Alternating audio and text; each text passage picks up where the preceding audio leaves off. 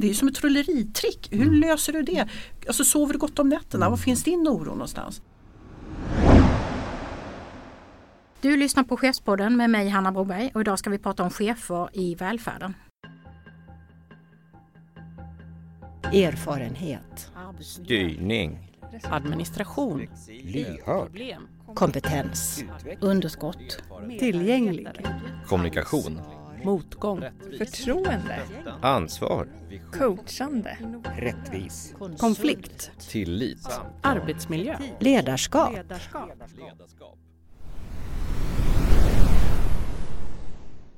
Kom och mingla med chefskollegor på fredagar eller gå en utbildning som ger dig handfasta tips som du kan använda i din chefsroll. Som medlem i Akademikerförbundet SSR och Svensk chefsförening kan du delta vid över 100 chefsträffar och seminarier per år. Läs mer på akademssr.se chef.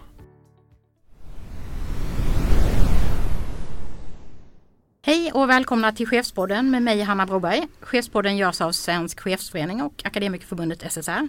Och idag ska vi prata om chefsrollen med två ordförande, tunga ordförande, förbundsordförande för skolledarna och ordförande för Akademikerförbundet SSR.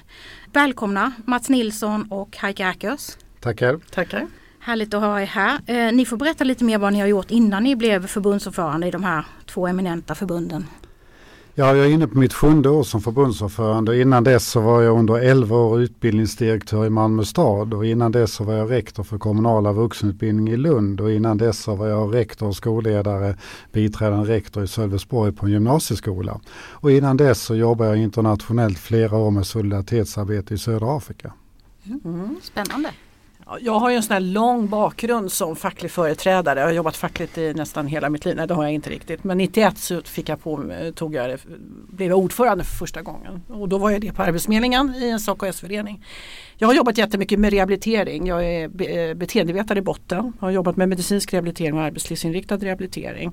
Och är fortfarande anställd på Arbetsförmedlingen och är stolt över det. Eh, även om det är en förändrad eh, verksamhet idag.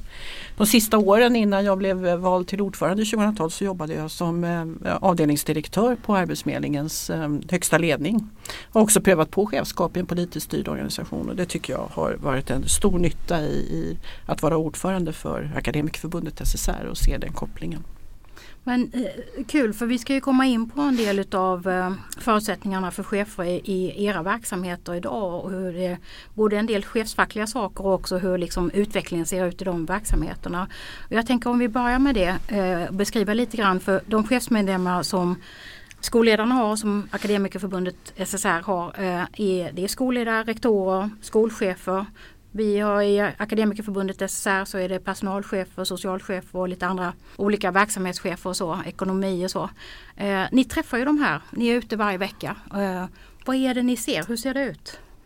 Ja, först kan man säga att när det gäller våra medlemmar så skulle 85% av våra medlemmar söka om sitt jobb igen. Mm. Så man har en enorm yrkesstolthet i sitt uppdrag som skolledare. Är man rektor eller skolchef, biträdande rektor så vill man vara det igen. Va? Och det är ett otroligt starkt liksom, professionsgrund eh, för att man har ett ledarskap som är stolt över sitt uppdrag, och ser det som viktigt. Va? Men sen när det gäller förutsättningar så ser vi att de förändras ju ganska snabbt. Va? Och det som upptar den största tiden för våra medlemmar idag det handlar ju om resursfrågan. Alltså få resurser i förhållande till de behoven man har. Men det handlar också om att hitta rätt kompetenser. Vi har alltså en kompetensbrist inom förskola skola i Sverige.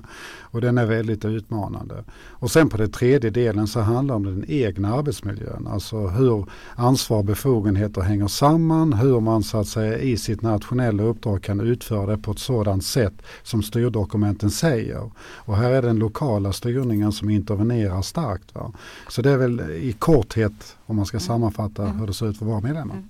Kan väl bara flika in där att den chefsundersökning som Akademikerförbundet SSR gjorde där är det ju nio av tio chefer som skulle rekommendera sitt jobb till någon annan. Så att det är väldigt positivt, ja. man, man gillar verkligen sitt och, jobb. Och det får jag bara säga innan Heike kommer in, det är det jag tycker vi ska ta fäste vid. Alltså mm. vi har chefer som vill vara chefer va? och det är unikt. Va? Därför gör man jämförande studier i näringslivet så får man inte samma höga siffra. Nej. Heike, hur ser det ut för våra Nej, medlemmar? men jag tror, alltså, vi har ju, det är precis som du säger Hanna, vi har ju chefer inom alla samhällssektorer, privat och statlig och kommunal och region och, och idéburna organisationer. Ideella, ja.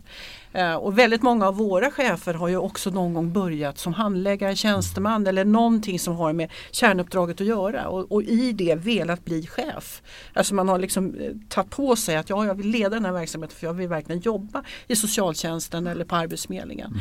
Eller var man nu jobbar någonstans. Men det jag kan se på din fråga, det jag ser nu, det är ju att, att det händer rätt mycket olika saker i Sverige just nu. På kommun, I kommunala sektorn och del, delvis i regionerna också så ser vi ju en större detaljstyrning. Man har budgetminskningar. Det är ett tuffare klimat. Arbetsförmedlingen som vi är störst på från Akademikerförbundet SSR, vi har ju flera statliga myndigheter där vi är största förbund. Där har vi en total förändring, en reformering där chefer nu tar ett extremt stort ansvar att i princip reformera bort den verksamhet man själv valde att bli chef i för att bygga upp. Jag kan säga, det måste vara den största utmaningen man kan vara med om. Stor respekt för det. Men vi ser någonting som, eh, och vi kommer ju komma in och prata lite tillit kring det och, och kopplat till ledarskap och chefskap. Så ser vi ju ändå att, att det är rätt tuffa förutsättningar. Och jag vill också säga att Akademikerförbundet SSR, vi, driv, vi har ju ett synsätt kring ledarskap och chefskap. Att chefskap är en profession. Det är ett profession och det är viktigt att man ser det på det sättet för att också säga vad, vad krävs då för att kunna eh, vara chef på ett professionellt sätt. Och där har vi samma syn ju att, att, att, att vara chef idag det innebär att man går in i ett professionsuppdrag.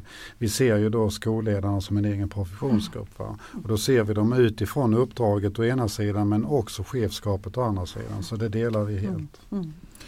Alltså nu, ni har nämnt mycket av det här, eh, liksom hur chefers förutsättningar ser ut idag, att det är väldigt utmanande. Det är också väldigt komplexa verksamheter. Det är inte som att eh, tillverka maskiner eller cyklar eller, eller så, utan det är, det är individuella behov som finns i de här verksamheterna, jättestora krav på vad det är man ska uppnå, stora förväntningar från medborgarna i de här olika verksamheterna.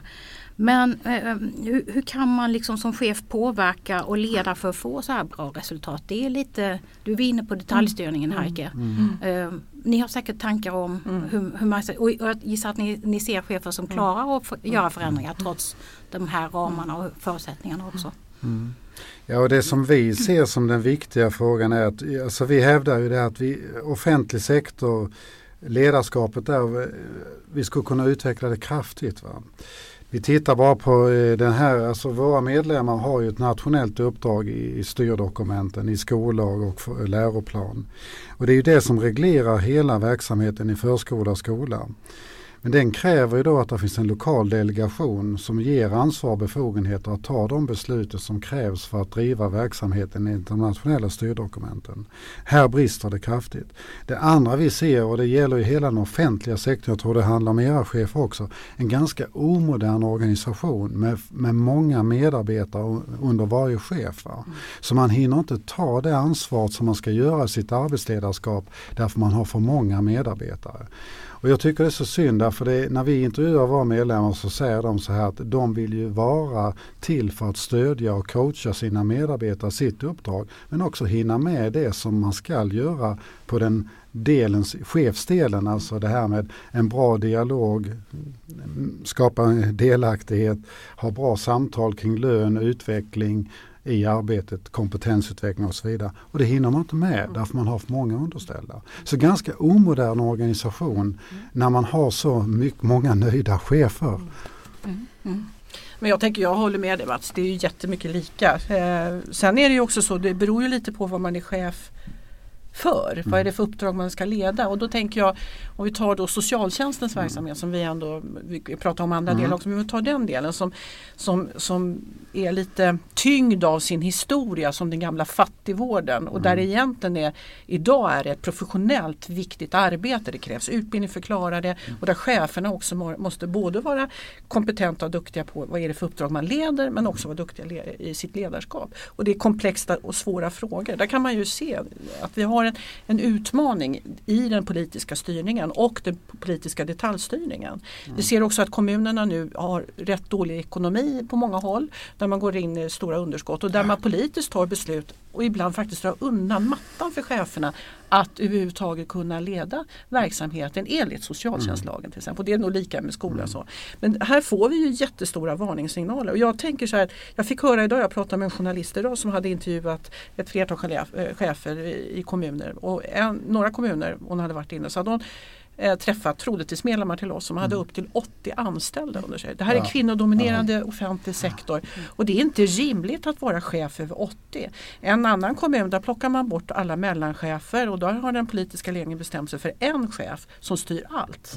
I, på- liksom kopplat då. Och då, det betyder det att då försvinner socialchef, och utbildningschef och andra chef. Man har en som styr. Och när man skapar sådana hierarkiska ordningar som egentligen bygger, tror jag, på värderingar och inte så mycket på är det här det bästa Nej, sättet. Då är det ju tufft. Vi har 290 kommuner som gör helt olika. Staten, den är ju liksom lika från Ystad till Kiruna beroende på vilken myndighet man har.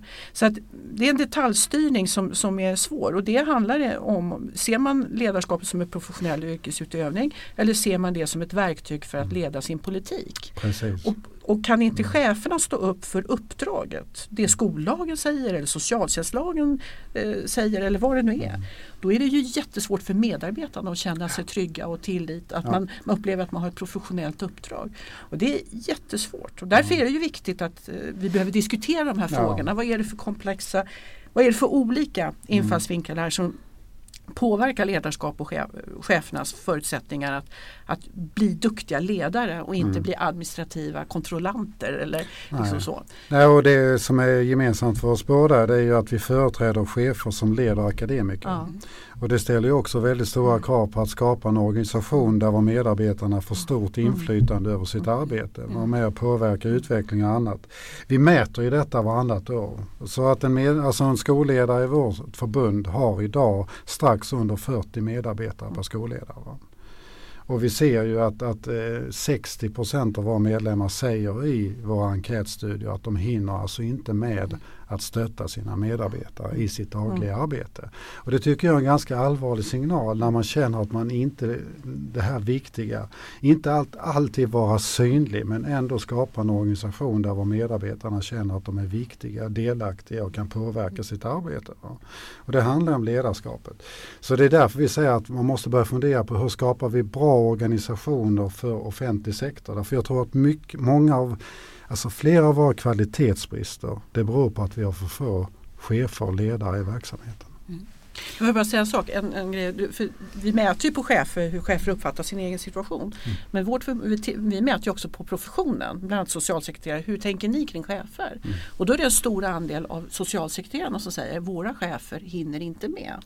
Och då kan man fundera på vad händer i en organisation när man som medarbetare ser att chefen inte orkar, hinner inte med att vara liksom optimal i sitt ledarskap. Och då blir det liksom en det blir obalans hos bägge hållen och det här är ju inte bra.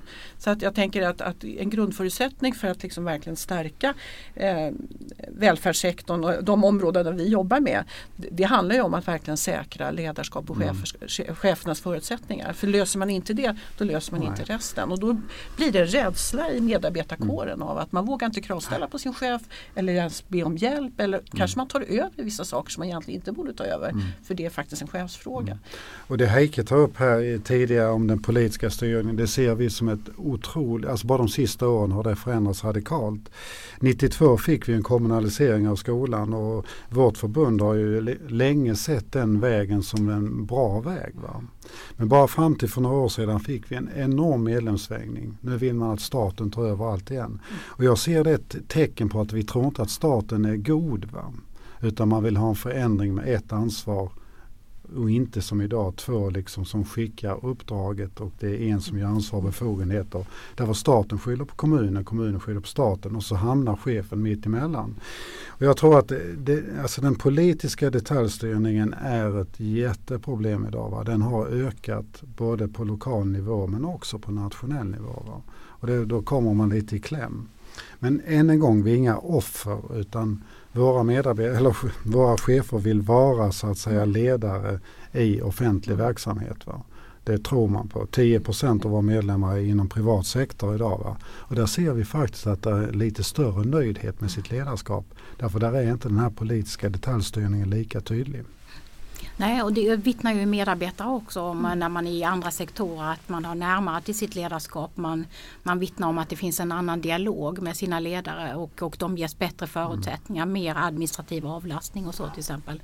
Så här har väl eh, offentlig sektor eh, en jätteuppgift att förändra de här sakerna, det du beskriver Mats som en, en omodern organisation. Det finns ju lite saker som är på gång och då tänkte som vi kan komma in på både kring etik och tillit och så. Men, men eh, om vi bara ska titta lite på er, er eh, bild av hur det ser ut i landet. Har ni några goda exempel på där det händer bra saker? Som, som där det är skiften i, i de här eh, färre medarbetare eller liksom bättre tid för ledarskap eller bättre stöd och förutsättningar minskad administrativ belastning och så vidare? Ja, alltså vi ser ju, det är ingen hemlighet att i de tre storstäderna så ser vi ju att man radikalt har lagt om sin, man centraliserar mer, man gör bättre chefsstöd, man har en egen chefsutveckling, man har egna rekryteringsutbildningar, så visst händer det bra saker. Va? Så att vi ser ju att det är en förändring också på gång. Va? Men det är precis som Haik säger, det är 290 huvudmän idag. In, inom kommunal sektor så har vi en mängd fristående huvudmän. Och det ser alltså väldigt, väldigt olika ut. Men visst finns det goda exempel. Och eh, där vi ser en positiv utveckling. Och det ser man direkt på stabiliteten om chefen stannar kvar. Mm. Chefsomsättningen är ju för stor också vilket ja. då börjar man om med liksom organisationsförändringar. Det tar tid mm. att lära känna och förstå. Och man känner ja. kanske inte när man är ny chef att man har rätt förutsättningar att liksom ta diskussion uppåt och sådär heller. Men svensk skola idag och det är det som är det, det lite ledsamma när vi har sån enorm nöjdhet att man vill vara rektor idag så har vi alltså en omsättningstakt i årskurs eh, 7 till 9 där var man sitter på samma skola tre år. F till 6 idag så sitter en rektor två år på samma skola. Och det går inte att bedriva ett utvecklingsarbete, ett tillitsarbete och en förtroendeskapande organisation om man inte stannar längre. Då. Och jag tror inte det beror på den enskilde rektorns kompetens utan jag tror det är en organisation som har fostrat den här cirkulationen. Va? Och det är det vi måste vända. Jag säger igen, där tror jag det är den här politiska klåfingrigheten som har skapat den här grunden. Både på nationell nivå men också på lokal nivå. Och det ser vi väl här på kommundirektörerna är det också alldeles för hög omsättning. Ja det är en hög omsättning på kommundirektörer. Men jag tänker på våra chefer som är direkt kopplade gentemot våra professioner. Mm. Som är då själva ofta sprungna från professionen. Det, det är jag, apropå positivt och det ibland så tänker jag men hur orkar ni? Alltså, man är så lojal sitt mm. uppdrag. Man är lojal uppdraget att jobba om, om det handlar om socialtjänst eller vad det nu handlar om. Och man är lojal också sina medarbetare så man jobbar och tangerar hela tiden gränserna för mm. hur mycket man orkar. Eh, så jag har ju förundrats ibland över, eller vi har förundrats ibland över att man inte har högre personalomsättning mm. än man har. Och det ligger i lojaliteten och framförallt när man jobbar med de som är mest utsatta i vårt samhälle som socialtjänstlagen faktiskt har ett ansvar för. Det är ändå samhällets sista skyddsnät. Då lämnar man inte lika snabbt för man vet att det, man liksom sviker klienterna på något sätt. Och det mm. tror jag också era yrkesgrupper men, men, och där, där är ju, och apropå positiva, alltså, jag, nu senast när vi var i Sundsvall så så besökte jag HR, de har en strategisk funktion som heter HR Servicecenter. Och då visade det sig att chefen där, cheferna där har en, en fyraårsmandat mm. i sitt chefskap. Oerhört positiv chef som jag uppfattar personalen är jätte och dynamik i gruppen, rätt stor grupp, ändå klarar av, har förmåga att skapa en god relation med personalen, leda på ett jättebra sätt, verkar väldigt, väldigt bra och ändå inte veta om jag blir kvar efter fyra år. Alltså det är liksom, man, mm. man tänker det är som ett trolleritrick. Hur mm. löser du det? Alltså sover du gott om nätterna? Mm. Var finns din oro någonstans?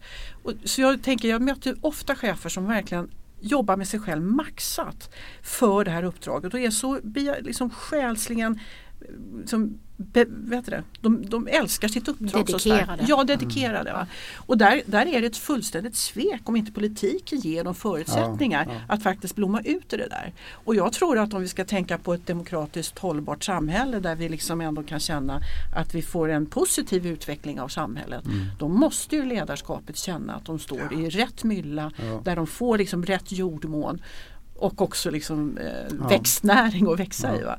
Men lojaliteten har ett pris. Det har och vi ser ju det också i våra undersökningar att det är tufft för våra chefer. Mm. Eh, och de är inte högst om betalda och de har inte de bästa förutsättningarna eller villkoren heller och ändå så stannar de kvar. Ofta kvinnor, stora personalgrupper. Men det finns många positiva exempel. Det är viktigt. Och vi ser att det är en viktig faktor man måste, därför vi tittade på in, denna mandatperioden så har 67 procent av politikerna i utbildningsnämnderna bytts ut. Va? Så det är en väldig cirkulation också på politiken och det blir nya majoriteter och det kan man ju ha olika uppfattningar om. Men det vi menar på att vi måste ju på något sätt få en stabilitet i organisationen som inte hela tiden kastas i den här mandatperioden och skiftar karaktär och inriktning. Kommundirektör har vi pratat om men vi har tittat på omsättning på skolchefer som ökat radikalt under denna mandatperioden. Och det är det här att vi måste få den lokala politiken att inte se skolchefen som en politisk tjänsteman utan som en professionell tjänsteman som ska hålla stabiliteten, stå för likvärdigheten, utveckla alla barn och elevers lärande i kommunen. Och kan vi komma dit här så kan vi freda oss lite från den här nyckfullheten vi ser idag. Va? Bara jag byter chef så får vi ett bättre resultat. Men det blir precis tvärtom. Mm. Vi har ju en, en, eh, en god tradition på det här området när det gäller ämbetsmannarollen från Axel, Axel Oxenstierna och framåt. Och det är väl också på den kommunala nivån viktigt att man håller fast vid det. Nu pratar man om att göra en ny statstjänstemannautbildning för att det är så stora volymer av nya medarbetare som inte riktigt har klart för sig rollen som måste få den grunden. Och, och det kan man ju önska sig att politiken också bör, bör liksom på lokal nivå titta på. Jag, jag tänker på också det som är speciellt för era liksom verksamhetsområden. Det är ju det här att, att eh, eh, kontaktvägarna och eh, dialogen mellan det här strategiska och det politiska och det operativa hela vägen ut till medborgarna är faktiskt har man tittat på mindre, alltså antalet dialogtillfällen och, och k- kontaktvägar och så är, är färre än vad det är på tekniska verksamheter, stadsutveckling, eh, hårda så här förvaltningar kring, kring vägar och, och liksom eh, vattenrening och vad det nu kan vara för någonting. Eh, det är ju också någonting som att om man ska få den här dialogen, man, man behöver ju utveckla politiker och få dem att de har förståelse för vad som händer i verksamheten för att den strategiska nivån ska bli bra också. Det, hur tänker ni om, hur ser era dialoger ut? För ni är väl, det är ju era lokalfackliga som är, har mycket av den dialogen men era dialoger med politiker? Eh, min det ut? erfarenhet eh, som förvaltningschef många år i en stor stad är precis det du säger. Vi ser ju att när det gäller infrastrukturfrågor så är det lätt att bli överens politiskt. Mm. Och det är lätt för politiker också att låta de professionella komma fram på ett annat sätt. Men när det gäller vård och omsorg, när det gäller eh, så att säga skola, Mm. eh, då, är det liksom, då intervenerar man hela, hela tiden. Och vi menar på varför vi inte kan få ett bättre resonemang. Därför självklart ska medborgarna ha insyn och delaktighet i det som sker i förskola och skola. Men just den här politiska nyckfullheten, det måste vi bort ifrån. Och där tycker jag liksom energiöverenskommelsen, nu bröt man i och för sig den från vissa partier, va? försvarsöverenskommelsen. Vi, vi, vi är vana vid att göra upp om de viktiga långsiktiga frågorna. Och här menar jag att välfärdsfrågorna är otroligt viktiga. Därför är det de som lägger grunden till en en demokratisk samhällsutveckling och så vidare. Va? Så jag tror det är oerhört viktigt att hitta en väg som andra länder har gjort men inte Sverige ännu tyvärr. Ja, men jag tycker du har helt rätt eh, Mats. Att, att ha en, ett långsikt, alltså välfärdssektorn eh, för att överleva och kunna leverera kvalitet på sikt måste ju ha ett, eh, ett förutsägbart långsiktigt perspektiv Mm. som går över fyra år. Du kan ju inte ha det som det är nu. Och det här tär ju väldigt mycket på professionerna oavsett nivå. Mm. Jag brukar ibland lite så här slarvigt kanske säga när jag är ute och talar att, att vara chef idag det är som att vara en hamburgare. Du är liksom hamburgaren emellan. Politiken det är det översta brödet och så häller du i lite fett eh, sås där och sen så kommer du själv som chef som är liksom själva köttet, hamburgaren och så underifrån så har du personalens kravställning och utöver det så har vi dessutom medborgarnas förväntningar. Men det man gör det är ju att man trycker till den där stackars hamburgaren så mycket så i slut mitten så sitter en klämd chef. Och den klämda chefen ska försöka leverera och vet att om man inte levererar då åker man fort. Eh, Jag vet att vid något tillfälle så pratar vi civilkurage. Eh, Det var- var en chef som sa att jag är glad över att min personal liksom säger ifrån och vi försöker bygga högt i tak och, och så. Och det var jättebra. Och då frågade jag den, den chefen, uppfattar du själv att du har högt i tak? Att du kan larma, säga ifrån. Alltså också hantera sig själv kopplat till civilkurage. Att faktiskt säga så att det, det här fungerar inte, det här var ett felaktigt politiskt beslut. Och då var det nej. Eh, Det utrymmet fanns inte för den, den chefen. Och jag tänker det, det är också en del i det här med att, att kunna utveckla och, verksamhet och, och, och liksom skapa kvalitet. Det måste ju också innebära att våra chefer får en möjlighet att också göra sin röst hörd och bli respekterade för det. Men sen tänker jag de här, om vi tar välfärdssektorn, det är, det är ju det är höga kostnader. Och, eh, min erfarenhet även från Arbetsförmedlingen när jag var chef, alltså all den rapportering som jag tror att också, som vi vet att våra chefer sitter med, kvartalsrapportering, veckorapporteringar. Det är så mycket rapporteringar och vi pratar administration mycket. Och där säger man det går inte att administrera bort, det måste cheferna göra. Det bygger ju inte på tillit Nej. utan det bygger på kostnadseffektivitet och så följa varje skattekrona. Och då har man inte respekt för uppdraget. Och där tror jag ju både dina och mina chefer sitter i oavsett. Ja, oh, ja. Och där, Ja, ja. det, det är liksom inte det chefskapet de har Nej, sökt. nej, det är ju någonting nej. annat. Administrationssamhället tittade ju på det. Lärarna var en grupp, Mm. polis, eh, eh, jag tror det var sjuksköterskor den andra. Våra grupper var inte riktigt med i den men det, vi känner ju igen det. Att det är hela vägen inte, inte bara på den övre chefsnivån utan det är hela vägen ut till enskilda lärare, enskilda socialsekreterare som den administrationen är. Ja, och det är det. Heike lyfter fram här därför att kontrollsystemet byggs ju uppifrån Ja. och ner, Mm. inte underifrån och upp. Va? Och då blir det det här att man ska hela tiden rapportera men man har ingen nytta av rapporten själv eftersom inte man har, har så att säga den, där var lärare, i vårt fall lärare och skolledare tillsammans beslutar hur följer vi upp elevernas resultat. Va? Och sen skalar man upp det upp till politikerna. Men det är precis tvärtom idag och det är väl det som är det problemet för mig att vi har för många verksamhetssystem. Vi kör med liksom en tillitsbaserad uppföljning på skolan men inte upp mot huvudmannen, då vill de kontrollera. Va? Det där är, det kan vi komma tillbaka till sen när det gäller hur man kan vända på det, men det är ett av dilemman. Eh, Det finns ju eh, mycket också tänker jag som kommer kunna göras in i den eh, avtalsrörelsen som vi står inför. Där finns ju ett antal chefsyrkanden som kommer, de har väl växlats i dagarna, igår kanske. Eh, Bland annat handlar det om också förordnanden för chefer apropå hur politiken kan liksom med, med korta chefsförordnanden så, så får man också lite tysta chefer som inte vågar ta den här dialogen som ni, som inte vågar skydda sina medarbetare, som inte vågar lyssna på medarbetare underifrån utan man är mer riktad uppåt. Ja, Vi driver ju detta väldigt hårt och där ser vi delvis positiva förändringar. Vi vill inte ha tidsförordnade förordnanden och vi vill inte att man har en grundanställning som medarbetare i kommunen, i vårt fall som lärare eller annat, utan vi vill ha att man är tillsvidareanställd som chef. va. Och anledningen Där är till det överens, eller hur? Ja, det är en otroligt viktig fråga och vi ser ju att det här med tidsförordnande det lever kvar men det försvinner mer och mer. Va? Och vi tycker det är bra och vi driver väldigt hårt den frågan till våra medlemmar att ska vi ha ett avtal så är det viktigt att man har ett chefsavtal. Va? Och det sänder ju också en signal att man går in i det som Heike säger, en ny profession. Va? Och det här med tidsförordnande, vi har haft, jag brukar mycket kort, på 70 och 80-talet hade vi cirkulationsmodellen i Sverige i svensk skola. Man skulle sitta fem år så skulle man cirkulera. Men det fanns ingen empirisk grund för att kunna säga varför just fem år. Va? Därför vi vet att du kanske behöver sitta längre. Så vi har haft modeller som vi har hittat på och jag tror det är lite det som vi är inne på här, att det är mer en styrningsmodell än en utvecklingsmodell.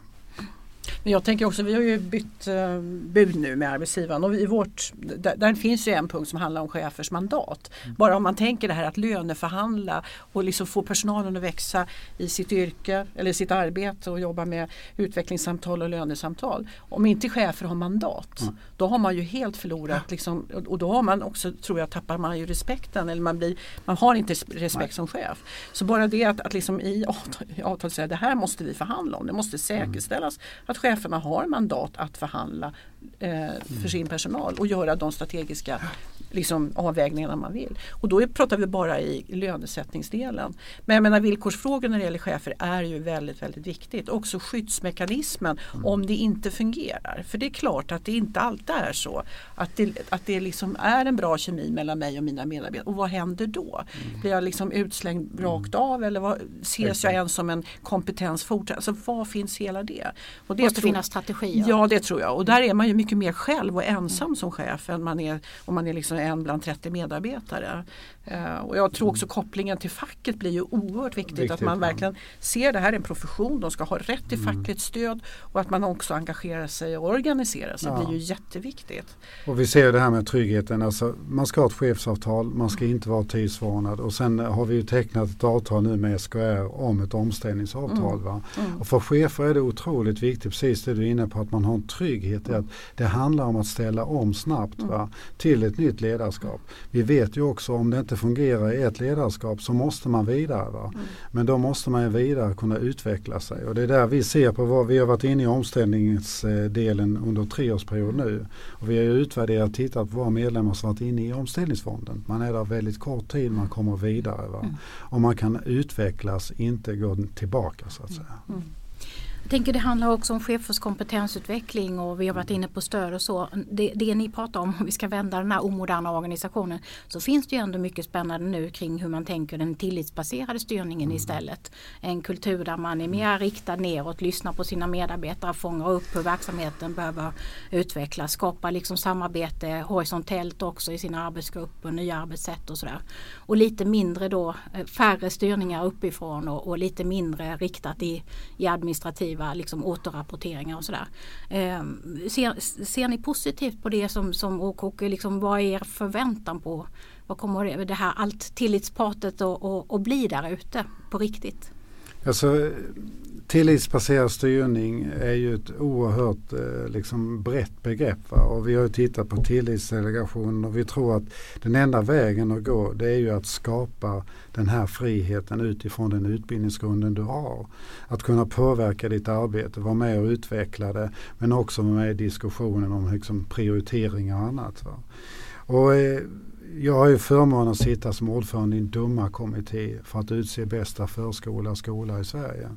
Och jag ser ju de som hela tiden får utmärkelsen. Det är ju det här statliga kvalitetsinstitutet SEQ. De har den här tillitsbaserade styrningen. Där var rektorn på skolan så att säga hela tiden har organiserat verksamheten för delaktighet. Kunna påverka som lärare eller förskollärare eller vad det nu är. Va? Så det här är en modell vi måste tillbaka till. Va? Men den bygger ju också på att eh, då måste man våga släppa taget som politiker. Man måste våga släppa den här styrningen och ge det tid. Va? För det tar tid att bygga upp en sån organisation och då måste en chef sitta länge. Du vinner inte förtroende på ett år, två år. Det tar kanske upp till tre, fyra år innan du har skapat den här organisationen. Och det är den tålmodigheten vi måste börja få nu. Va? Det är därför vi använder PISA. Se det som bra att vi är på rätt väg men ge nu tid till att skapa den nya organisationen. Va? Nej men det är jätteklokt sagt eh, Mats. Alltså det finns ju, eh, och, vi, och jag har ju också eh, haft förmånen att se när man verkligen har kommit en bit på vägen i tillitsbaserat ledarskap. Min oro är ändå, och det är det som du lyfter in Mats, det är långsiktigheten. Mm. Alltså det här är inte, det, det tar tid att bygga. Eh, och jag, har, jag ska inte säga, men jag tänker på särskilt den kommun som ligger väldigt nära Stockholm där man verkligen jobbade med de här frågorna också för att vända utvecklingen inom socialtjänsten. Stoppa eh, kompetensflykten, att stoppa att våra socialsekreterare lämnade, att man ville liksom vända kuttingen och var verkligen en bra bit på väg. Och där verkligen politiken var delaktiga. De också tog ett steg bakåt och sa okej, vi får också eh, släppa taget eh, och också vara lite sårbara i det här. Vi, har inte svar, vi kommer inte få svar på alla frågor. Och så ledde, hade man hela det här tänket kopplat medarbetare och politik.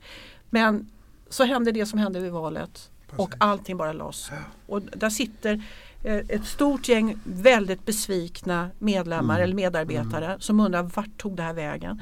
Och då kröner man det hela med en liten lätt omorganisation Mm. och kanske också att man ska sitta i öppna landskap. Så har man liksom, då, då har man raserat något som var så på väg upp. Va? Så egentligen så skulle det vara lagstadgat att man liksom Ja. inte får, för, så, och ytterst så, så, slår det här mot elever eller de utsatta barnen eller den misshandlade kvinnan eller om det är inom vården, Mm. Ja, ja. patienten. Det är de som betalar priset. Mm. Men alltså, vi ser ju många bra exempel där man verkligen försöker. Men det är så kortsiktigt med de här fyra åren som blir. Och man får ju verkligen hoppas att det är samma politiska ledning som sitter då två mandat i alla fall, som är uppe i åtta år och kan ha ett långsiktigt perspektiv. Eller en försvarsuppgörelse eller en Ja, energiuppgörelse eller vad det nu man motsvarande. fredar och gör upp om att det här ska professionen någon som myntade begreppet låt proffsen vara proffs men då måste man mena allvar med det och långsiktigheten i det begreppet. Därför annars kommer det aldrig att gå. Jag skulle vilja gräva lite i en sak som ju hänger samman med det här och det är ju etiken som båda era förbund driver de frågorna. Eh, Och, och det är väl så att om man ska vara tillitsvärdig också som, som medarbetare i de här verksamheterna så är det viktigt att det finns en aktiv kunskap om etik men också en ak- aktiv diskussion om de intressekonflikter och annat som dyker upp. Svåra frågor som handlar om enskilda eh, individer ofta i de här verksamheterna. Så hur ser ni på etikfrågorna? Hur kan vi göra dem mer levande och chefernas möjligheter att ta etiskt ansvar i sina organisationer? Ja, Vi har ju påbörjat ett stort arbete och det har pågått i flera år nu men vi är framme där vad vi nu gör en professionsdeklaration och den, den bygger ju helt och hållet på förarbeten att vi, vi verkligen är djupt grundade i vår etiska kod som skolledare. Alltså var har vi vårt fokus och vårt företrädarskap?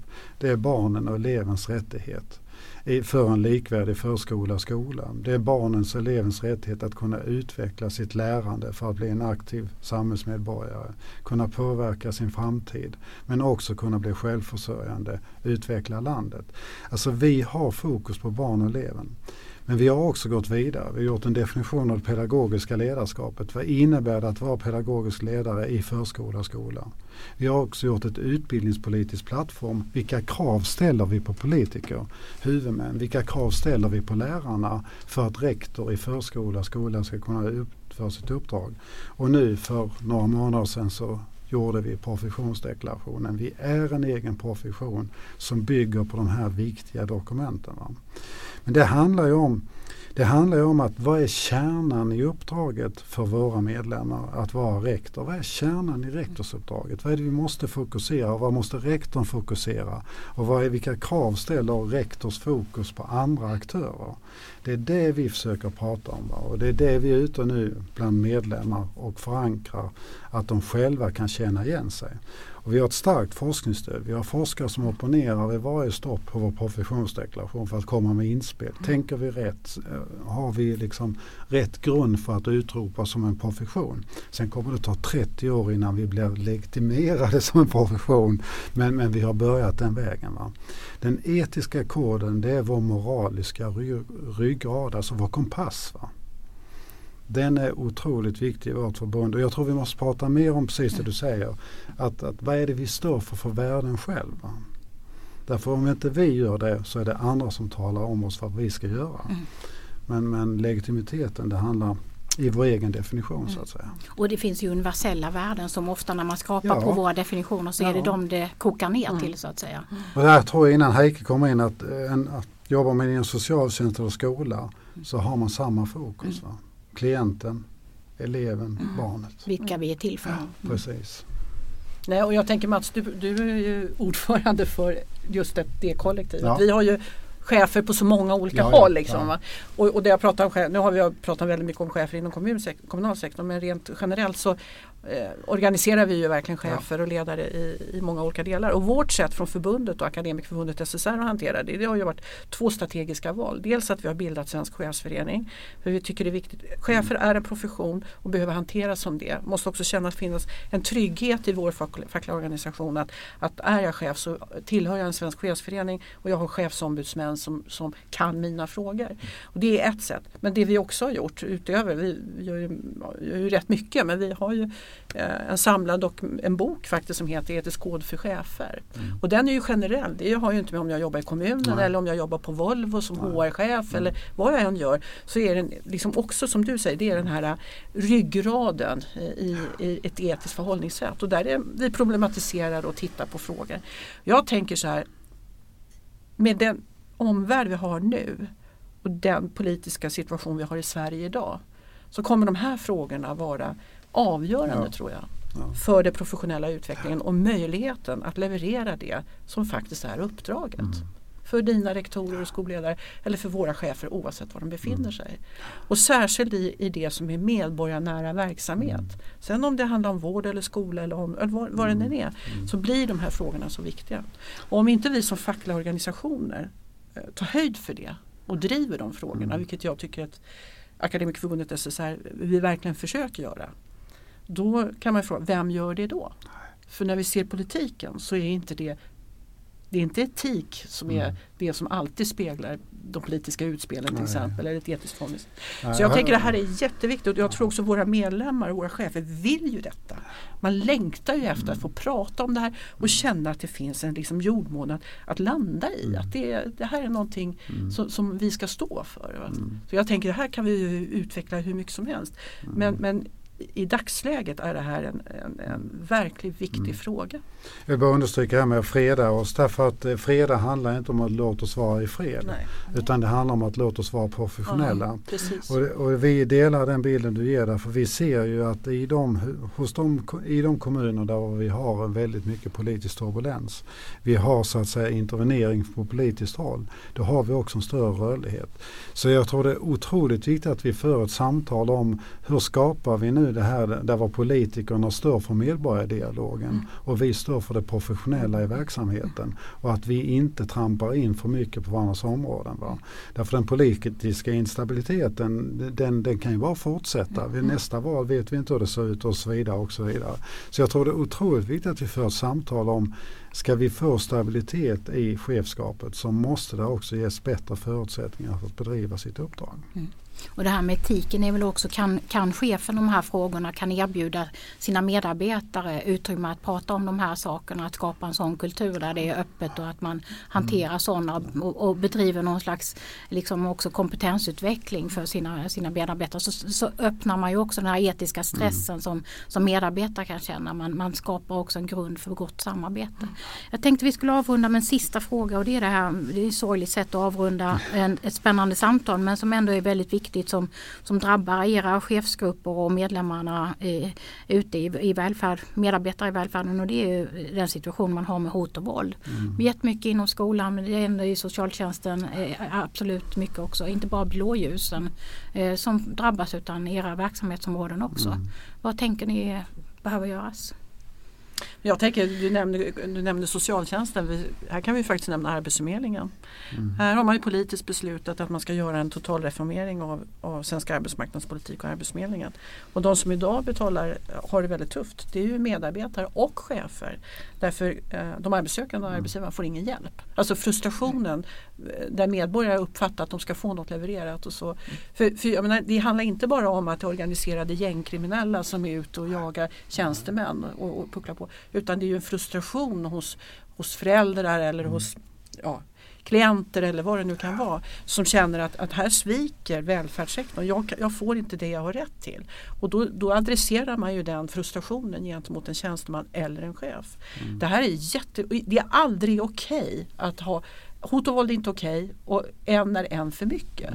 Men det här är en jätteviktig fråga. Det jag är lite orolig över eller det jag kan ana och det kan jag ana också från min egen erfarenhet när jag själv var chef. Och, det är att det, det kanske är en tystnadskultur. Man, man, vill inte, man, inte beredd, man berättar inte lika lätt som chef att det här har jag utsatts för. För det kan också leda till att man har, att det finns omgivningen får en bild av att du har misslyckats i ditt ledarskap. Eh, att det finns en tystnadskultur i det. Så jag tycker att de här frågorna, det, det är viktigt att vi tar upp det. Att det här behöver man titta mer på hur man kan hantera det. Vi ser ju en dramatisk utveckling. Alltså 2014 så var 2% av våra medlemmar utsatt för någon otillbörlig påverkan eller hot. Va? Och 2017 så är det 27% Så vi har fått en enorm Mm. ökning bara. Och det här är väldigt viktigt det du säger därför att för i vårt fall så är det ju egentligen också, alltså det beror på flera faktorer. Vi har särskilt tittat på det. Vi har ju uppvaktat också regeringen med att vi vill ha ett annat lagskydd för myndighetsutövande chefer motsvarande blåljuspersonalen. Just med anledning att det måste liksom vara kännbart. Va? I vårt fall är det vårdnadshavarna som ligger på. Va? Och jag tror du har rätt där Heike, ibland kan det vara att vi inte räcker till fullt ut. Va? Men i många fall är det också det att, att vi har ju en marknad där man har fått en helt annan makt som medborgare. Va? Där var man sätter hotet i verket mot en rektor. Får vi inte vår vilja igenom så byter vi skola och då tappar rektorn pengen, resursen och har inte kostnadstäckningen. Det är det andra. Det, ena. det andra vi ser som är ganska allvarligt är att de sociala medierna där man hänger ut chefen, den myndighetsutövande rektorn i sociala medier. Jag har flera fall nu, jag är ute och träffar de här. Jag försöker alltid, när vi får ett hot mot en rektor, försöker jag alltid åka ut och besöka för att ta reda på vad, vad, vad har hänt och höra berättelsen. Men då är det oftast att man har tagit ett beslut. Man har kanske slagit ihop en klass. Mm. Och sen är det någon som har blivit missnöjd av vårdnadshavarna och sen sätter det här igång. Och det slutar med liksom att man nästan inte vågar gå ut. Och det Heike säger är signifikant för våra medlemmar. Man håller tyst in i det sista. Man vågar inte berätta. Man tar det personligt, man känner sig kränkt, man är ledsen och man håller det sig inom sig. Och det är därför det är så viktigt att man vågar prata om det här. Va? Så att man inte bär det med sig. Va? Skammen. Jag ska besöka en kommun nu här efter jul och nyår kan jag berätta där vi har haft väldigt utsatt. Va? Och där var även politik har varit inblandad. Och det är klart att, att vi måste börja prata om vad beror det här på. Därför den dagen en myndighetsutövning, den dagen en rektor inte gör en orosanmälan vad händer då? Mm. Barnet får illa. Mm. Så att det är vid orosanmälan, det är betyg och mm. bedömning och det är vid åtgärdsprogram som skolan upprättar som våra medlemmar utsätts för mm. otillbörlig påverkan hot. Och så är det med socialtjänstens beslut, biståndsbedömningar, äldreomsorg och så vidare. Också. Ja, ja. Mm. och jag tänker så här, du ska inte förlänga det men vi, har, vi kan ju, här har media, spelar ju media också ja. en stor roll. Ja. Är, hur, hur, skriver man om de här viktiga funktionerna? Mm. Istället för att verkligen lyfta det på ett positivt sätt så, så gör man ju nedslag när det går fel. Och det kommer alltid gå fel. Mm. Men lyft det som är det viktiga i mm. det här. Det eldar ju på massorna på något sätt. Kan man avrunda det med att det är viktigt att höra av sig till sina fackförbund också om man drabbas av de här sakerna. Se om man kan få råd och stöd och naturligtvis sina överordnade chefer också. Jag vill bara understryka det är viktigare än någonsin att vara med i ett fackförbund som chef idag. Så jag håller helt med därför mm. att vi har mycket turbulens just nu. Mm. Tusen tack eh, till eh, dig Mats och, och till dig Heike. Eh, vi sänder ju Chefspodden igen om ett par veckor och där vi återigen ska prata om lika spännande saker. De här chefsfrågorna är jätteviktiga att, att diskutera och ni kommer att kämpa på för att förbättra chefsförutsättningarna via våra förbund. Chefspodden finns i Spotify och andra kanaler där, där poddar finns. Tack och på återhörande. Tack. Tackar.